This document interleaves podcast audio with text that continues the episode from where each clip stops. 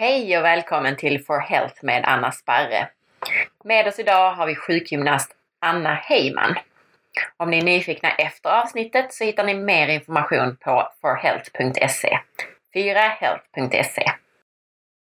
Anna Heyman är sjukgymnasten som specialiserar sig på stress och kroppskännedom och som dessutom arbetar extra mycket mot gravida och mammor. Anna har arbetat som sjukgymnast i 14 år och har en bakgrund från sjukhusvärlden och hon har dessutom tre barn. Anna är aktuell tillsammans med mig eftersom vi håller kurser och föreläsningar, föreläsningar för gravida och nyblivna mammor. Men idag ska vi inte bara prata mammahälsa, utan vi ska prata om kroppskännedom, stresshantering och annat spännande. Hej Anna! Hej Anna! Ja. ja, det stämmer eh, som du säger att jag är utbildad sjukgymnast sedan 2000 eh, och att jag till största delen har jobbat inom slutenvården inne på Universitetssjukhuset i Malmö. Men att jag nu driver mitt eget företag, Heyman och Company Friskvård och att eh, min inriktning till största delen är prehab och förebyggande friskvård för, för den vanliga människan som befinner sig mitt i, mitt i livet, mitt i vardagspusslet. Eh, det stämmer också att det som jag brinner allra mest för är det här med basal kroppskännedom och eh, precis som du sa så är en del av de människor jag träffar gravida och nyblivna mammor. Men hur hamnade du här egentligen? Alltså hur kom du in på på kroppskännedom och gravida och mammor? Eh, jo, under min grundutbildning så läste jag en valbar kurs inom psykosomatik och det handlar ju då om hur kroppen och sinnet eh, hänger ihop och påverkar varandra. Och under den här kursen så, så ingick det då att eh, man påbörjar sin, sin utbildning till, eh, inom basal kroppskännedom. Och då fastnade jag för den här metoden. Eh, när jag sedan själv eh, blev gravid ett par år senare så eh, hade jag fruktansvärda eh, problem med foglossning. Eh, jag kunde inte vända mig själv i sängen. Jag kunde inte hämta posten. Eh, och det påverkade mig såklart både fysiskt och mentalt. När jag då väntade mina, mitt andra och mitt tredje barn så, så tänkte jag att så här vill jag inte ha det igen utan det här måste jag göra något åt. Och eftersom jag var sjukgymnast själv och kände till basal kroppskännedom så tog jag kontakt med en kollega och började träna basal kroppskännedom. Vilket hjälpte mig otroligt mycket och eh, jag hade inte alls lika stora bekymmer med eh, foglossning under min andra och tredje graviditet. Så där någonstans så föddes tanken på att basal kroppskännedom är någonting som alla gravida och nyblivna mammor skulle ha stor nytta av. Men sen dröjde det fram till för ett år sedan när alla pusselbitar föll på plats och jag började hålla kurser i basal kroppskännedom för gravida. Mm, spännande, okej. Okay. Men Anna, berätta, vad är egentligen basal kroppskännedom? Basal kroppskännedom är då en sjukgymnastisk metod som hjälper dig att hitta en bit av ditt bästa jag. Eh, body awareness kallas basal kroppskännedom på engelska. Och body awareness? Eh, det tycker, body awareness, ja. ja Kroppsmedvetenhet. Och det tycker jag egentligen är ett bättre uttryck än, än den svenska basala kroppskännedomen. Att vara medveten om din kropp att vara i din kropp eh, för att kunna utnyttja dina resurser på, på bästa sätt. Och för att hitta verktyg att hantera livet, helt enkelt. Och vad, eh, hur livet du lever och livet du har levt påverkar dig eh, till kropp och sinne. Mm. Det, det, låter jättebra, men går det att ge något konkret exempel på då hur, hur man gör detta? Ja. Mm. Eh, basal kroppskännedom kom ju då till Sverige på 70-talet. Det var eh, svenska och norska sjukgymnaster som tog hem den här metoden.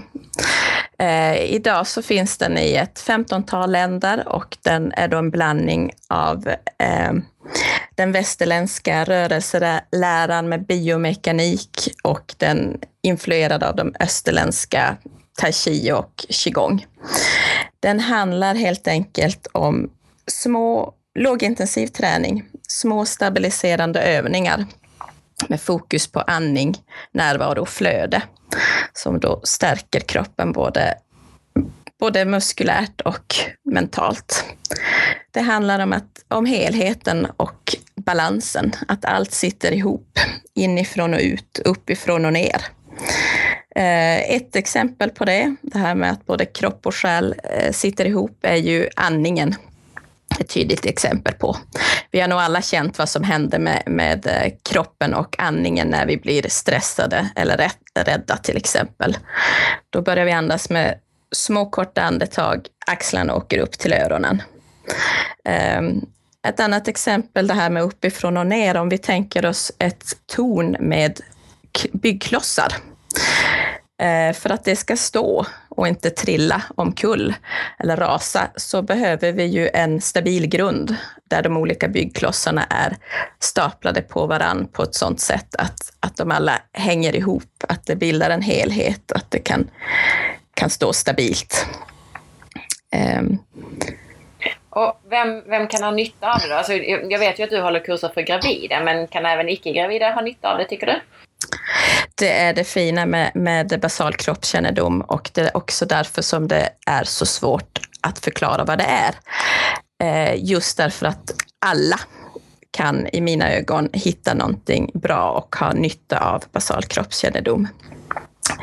Eh, för det handlar ju bland annat om att hitta rätt muskler, att rätt muskler ska göra rätt saker eh, i alla positioner och gärna automatiserat.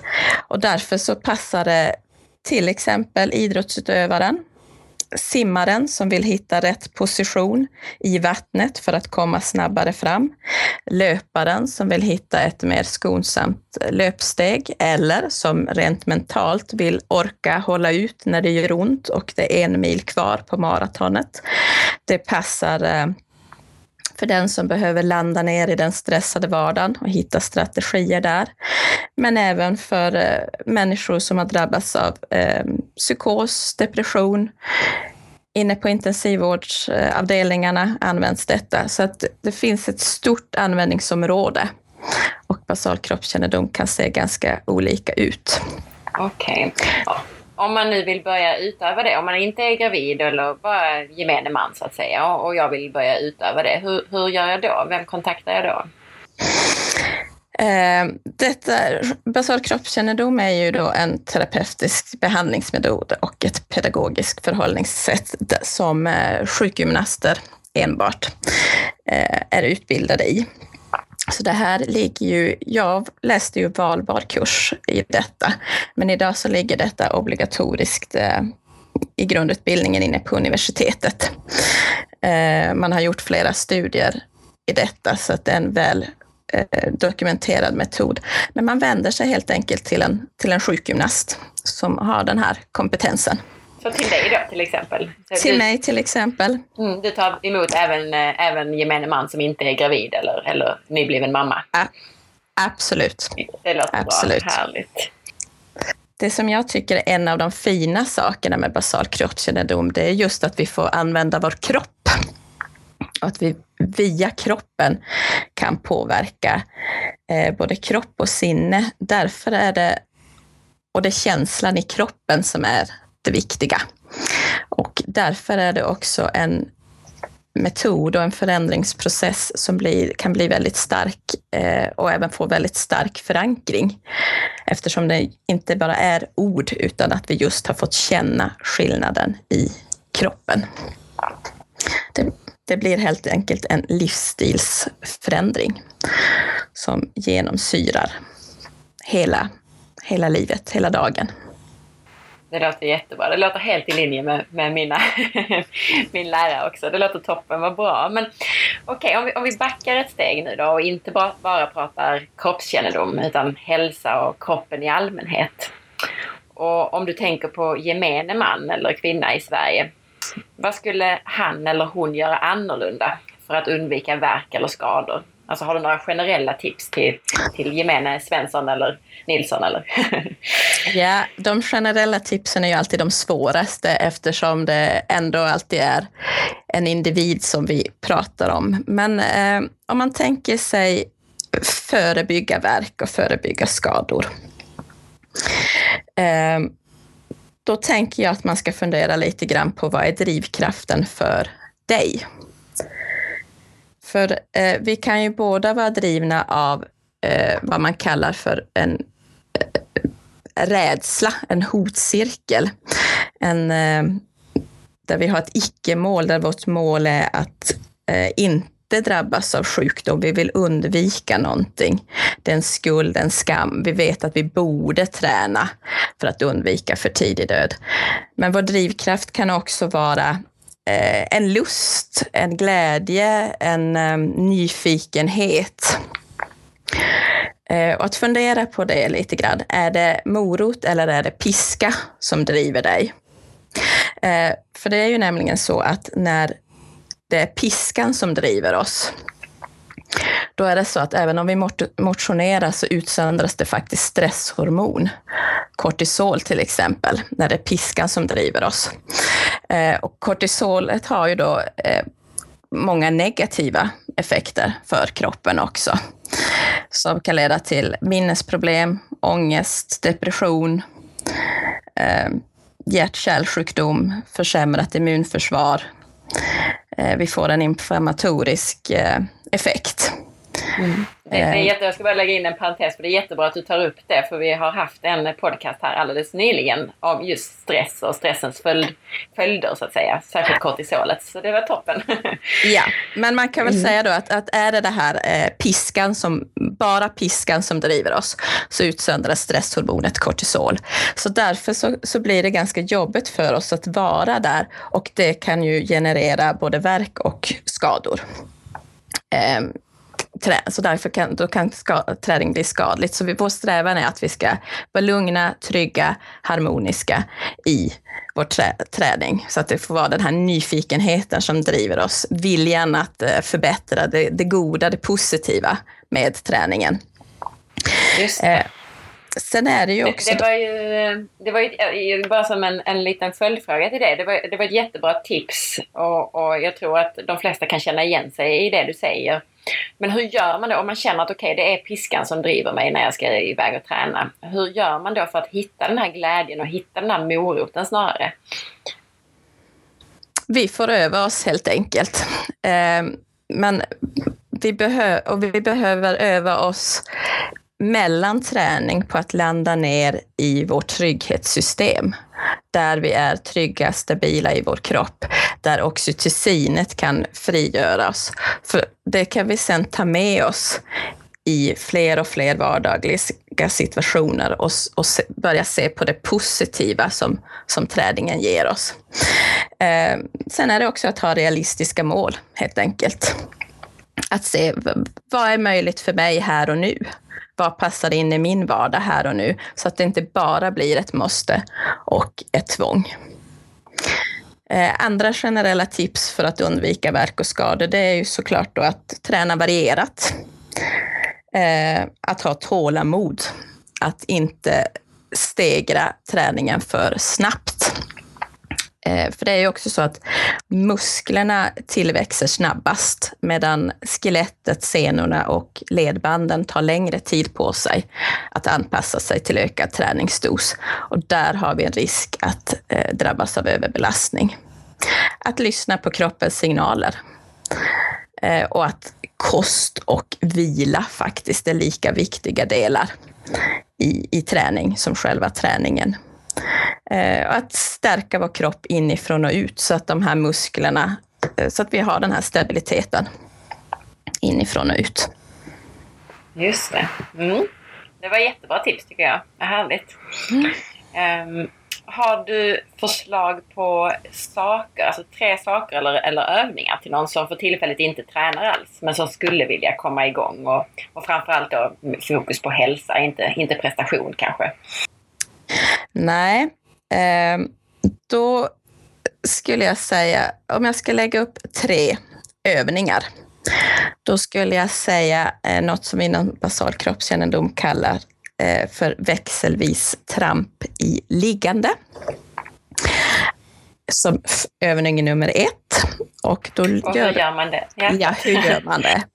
Eh, lägg dig på rygg med föt, ungefär 90 graders vinkel i höft och knä. Fötterna uppe på väggen. Eh, och sen så kommer aktiveringen från, framförallt från centrum. Du pressar emot med en fot i taget. Men det är centrum, det är de djupa magmusklerna, det är de djupa ryggmusklerna, bäckenbotten och den stora andningsmuskeln som jobbar.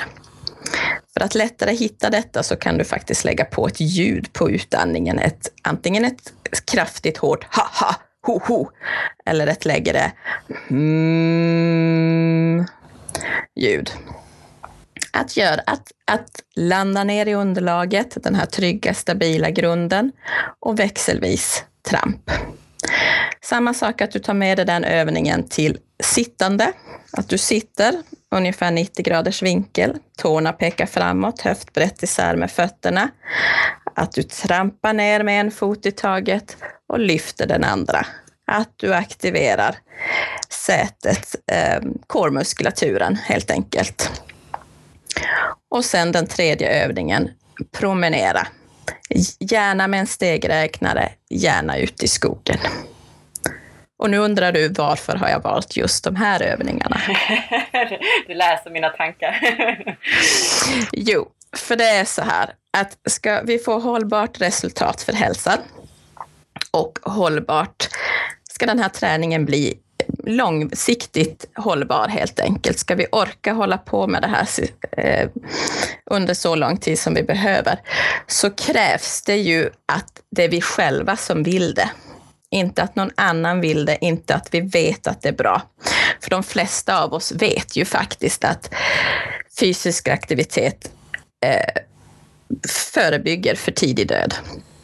Fysisk aktivitet gör att vi minskar risken för diabetes, cancer, hjärt-kärlsjukdom. Vi vet att det finns jättemycket hälsofördelar med eh, fysisk aktivitet, men ändå blir det inte av. Eh, och genom att göra de här växelvisa rörelserna i liggande och i sittande, dels får vi en liten stabilitetsträning. Vi landar ner, vi får den här trygga grunden så att det är morotssystemet som triggas igång. Eh, och de här växelvisa rörelserna gör att aktiviteten i den nya hjärnan, i cortex, och aktiviteten mellan höger och vänster hjärnhalva ökar. Och då har vi helt enkelt bättre förutsättningar att hitta vår egen motivation, att hitta vår egen drivkraft, så att detta blir ett inifrån styrt val. Att vi faktiskt upptäcker att vi själva vill detta, att vi själva mår bra av det. Oh, vad spännande. Jaha. Spännande, mm. spännande. Ja. Sen promenaden i skogen. Där har vi ju också den här växelvisa rörelsen. Så vi får igång den.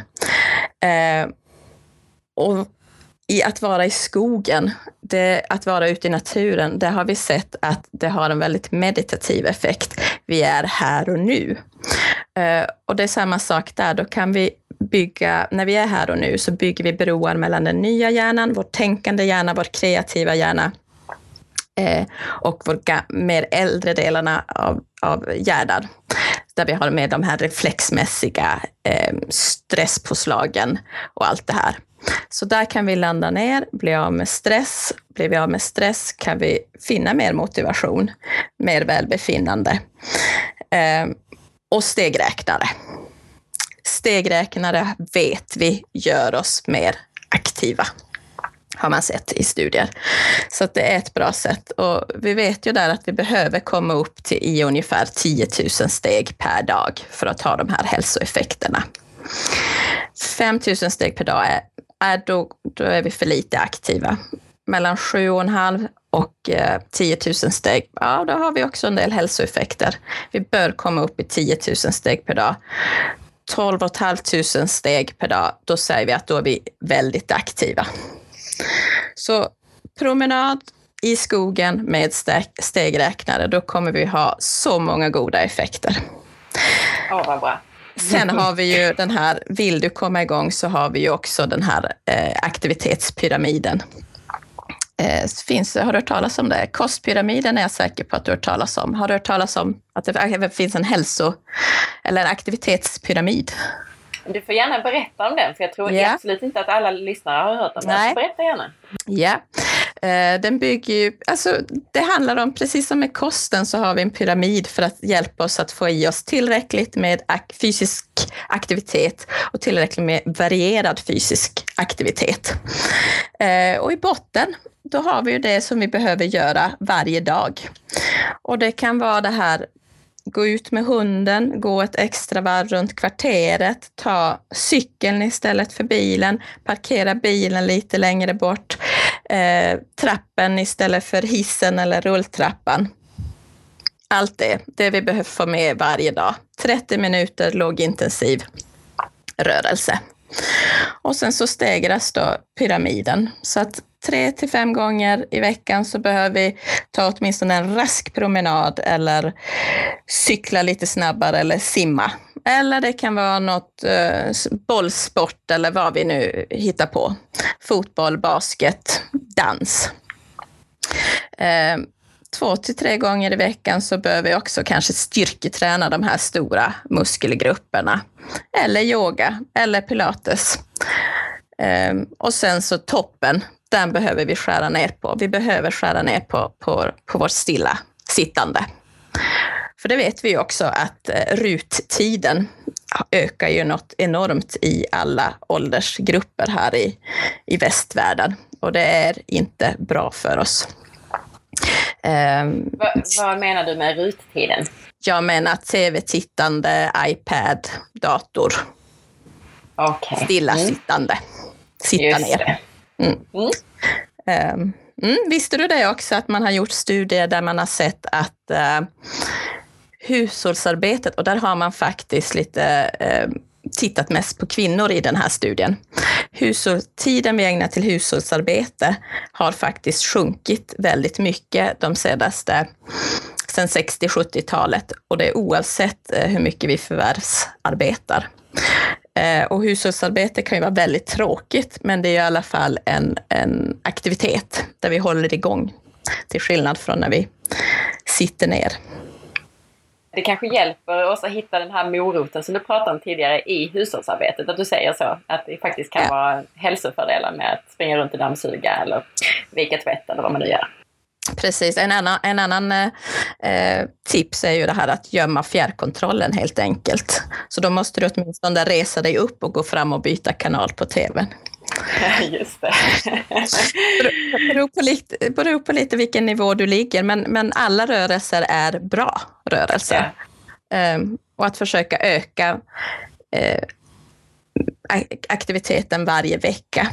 Uh, men varierad, blanda så att det fortfarande är roligt och att det är en morot, att det är skoj. Mm. Mm, jättebra, tack så mycket. Det var ett toppen tips Anna. Mm. Jag tänkte också, alltså, själv så är jag ju väldigt mycket för stenåldern och att försöka anpassa livet och maten och, och hur vi lever till det som evolutionen har utvecklat oss för. Och då undrar jag om du har några tips på hur vi rent då kroppsligt och rörelsemässigt eller genom träning kan anpassa oss mer till vårt evolutionära rörelsemönster? Ja, alltså det här med evolutionen är ju väldigt spännande. Eh, och frågan är ju lite grann, var allting bättre förr? eh, för där var men det ställer ju till, evolutionen ställer ju till det för oss, skulle jag mer vilja säga nu. Eh, för att eh, på, när vi bodde i de här grottorna på stenåldern så, så behövde vi röra på oss för att hitta mat, för att hitta eh, skydd och för att undvika faror. Och därför så är och egentligen evolutionsmässigt så har inte våra kroppar förändrats så mycket. Så därför så är våra kroppar fortfarande byggda för rörelse. Vi mår bäst fysiskt och psykiskt när vi är aktiva. Men vad, vad, vad som också hände på, eh, när vi bodde i grottorna var ju att det var inte så lätt att få tag på mat. Så därför så är vår kropp också byggd för att gå ner på vila, för att spara energi när vi kan det. Och det är det som ställer till det för oss. Så när vi har varit igång en hel dag med jobb, eh, studier, barn, hämta, lämna, då vill vi gå ner och spara energi, då vill vi sätta oss i soffan, då är det inte riktigt naturligt för oss att komma iväg och motionera. Så där ställer evolutionen till det lite grann för oss. Om vi tänker rent, ja. rent eh, så att säga, hur, vi, hur vi rör oss och våra positioner och så eh, jämfört med vad vi gjorde för idag, så att säga, jämfört med, med grottiden. hur, är det någonting vi gör fel idag eller som vi borde tänka på? Mm. Ja, alltså evolutionärt, eller man kan, eller man kan man säger, barnens grundmotorik och vår grundmotorik är ju evolutionärt nedärvd. Den har vi med oss i vår gamla hjärna. Eh, och där har vi ju eh, att vända sig, att sätta sig upp, att sitta, att ställa sig upp, att stå, att gå. De här sakerna som vi lär oss automatiskt som små barn, de ligger ju i vår, vår gamla del av hjärnan evolutionärt. Och där pratar man ju också om inom basal kroppskännedom att varje led har eh, en optimal position där du har ett optimalt rörelsemönster. Eh, och det här aktiveras som liten, men någonstans på vägen så eh, glömmer vi bort det här och använder fel muskler till fel saker, vilket skapar mycket spänningar hos oss. Ehm, så där är väl det här att jobba inifrån och ut. Att vi kan hamna, att vi hittar rätt kroppshållning, eh, att vi hittar rätt positioner för att de djupa musklerna som är korta, inte så starka men väldigt uthålliga, att det är de som håller oss uppe. Så att de ytligare, starka, explosiva musklerna har friheten att göra det de är bäst på. Eh, och och kan vi då komma tillbaka till den positionen så kan vi frigöra ganska mycket onödig spänning och hitta väldigt mycket energi. Jag känner att jag sträcker på mig lite extra här när du, när du berättar om det här. Så det är Precis. jättebra. Tack för påminnelsen. Och jag antar att det här också betyder att just det här med basal kroppskännedom, det kommer in igen. Det, det kommer in hela tiden i det mesta. Ja. Om vi, eh, eller egentligen, jag hade en liten följdfråga också. För jag, det är mhm. väldigt stort det här med barfotalöpning. Vad, vad tycker du om det? Ja, då tänker jag att om vi backar bak lite grann och så går vi tillbaka till gången. Då är ju den naturliga gången att vi landar på hälen, rullar, rullar på foten och trycker ifrån med tårna. Och vi går ju trots allt mycket mer än vad vi springer, de flesta av oss som vuxna. Och därför så är gången mer naturlig för oss. Den är automatiserad i en större eh, grad. Och gången är ju också som sagt en av de här grundmotoriska mönstren som finns liggande i våra äldre hjärnstrukturer. Men varför jag vill gå tillbaka till det, det är för att de flesta av oss, eller många av oss, om vi då börjar jogga i vuxen ålder, så eh, har många av oss så dålig teknik eller vi springer helt enkelt för långsamt så att det blir liknar med någon snabb gång. Eh, vi använder oss av samma teknik, vi sätter i hälen.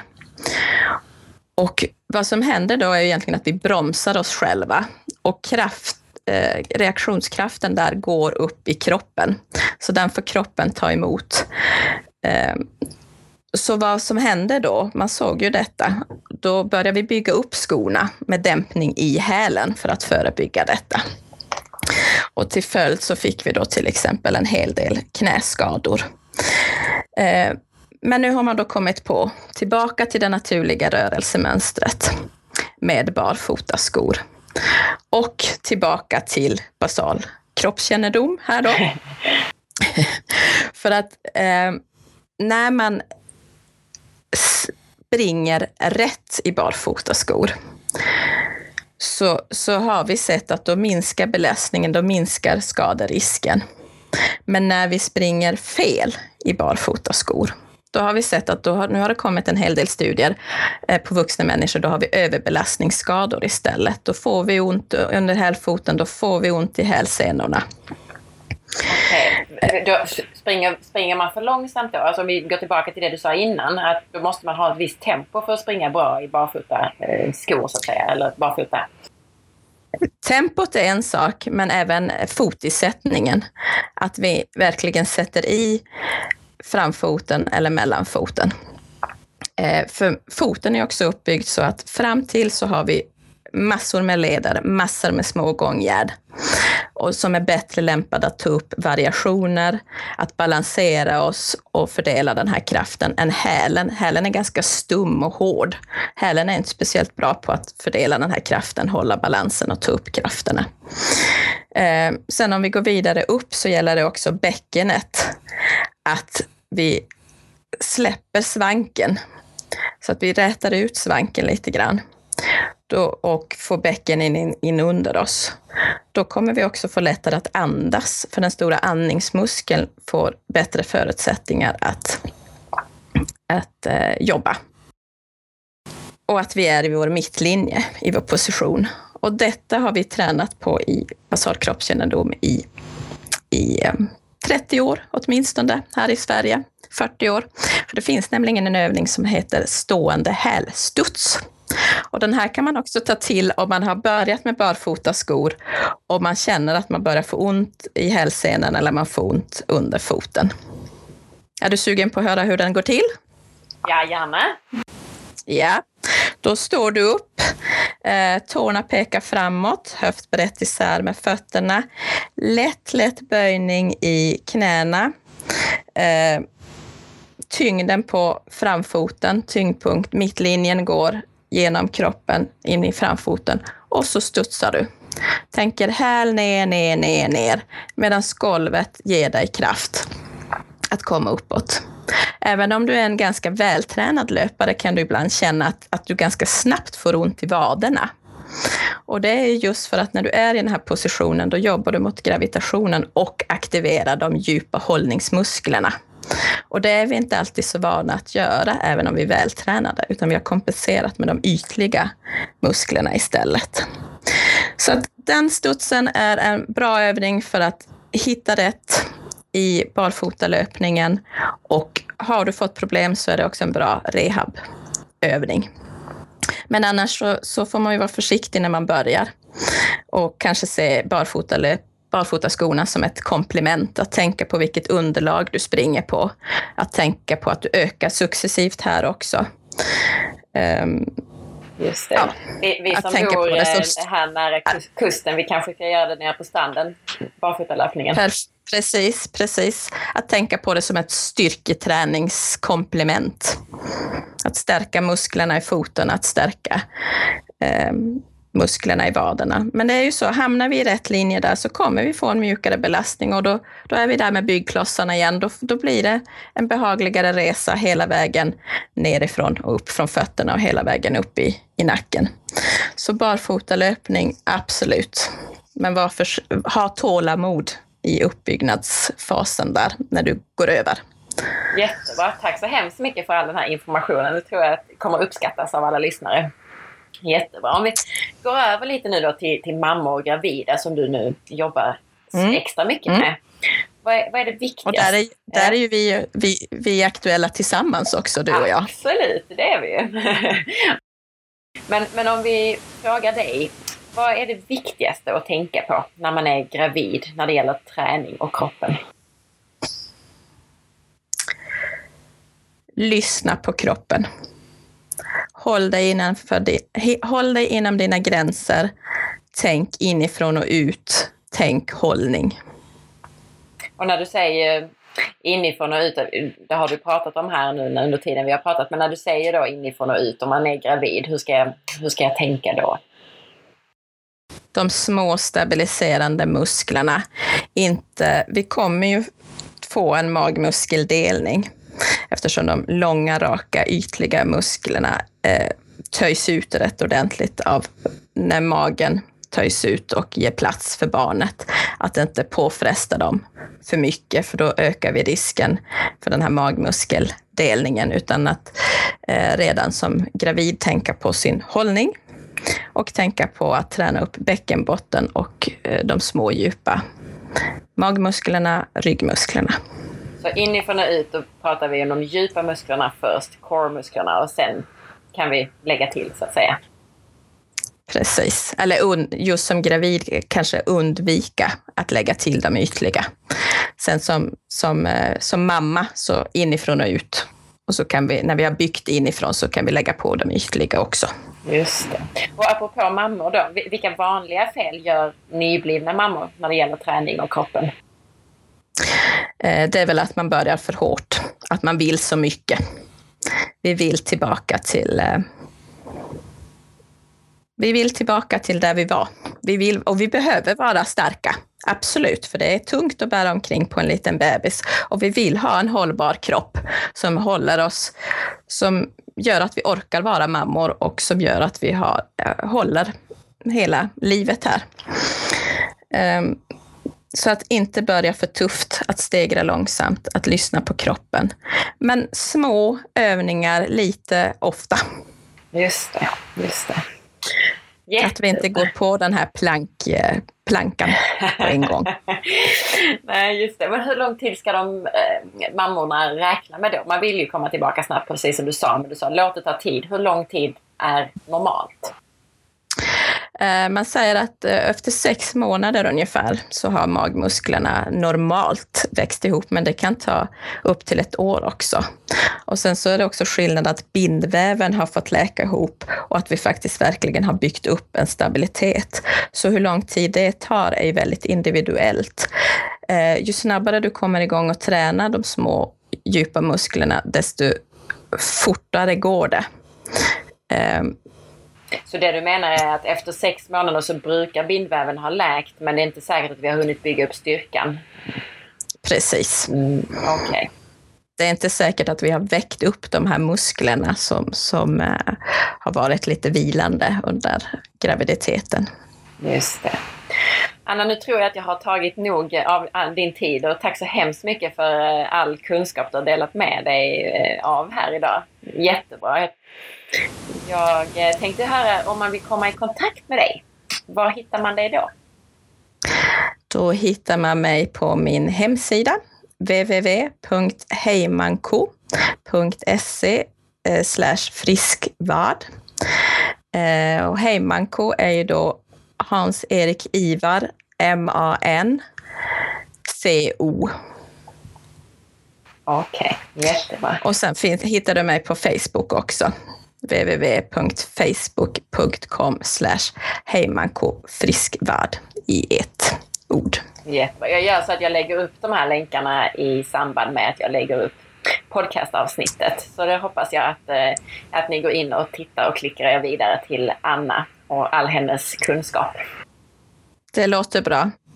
Jättebra Anna. Eh, tack så hemskt mycket för att du tog dig tid som sagt och eh, på återhörande.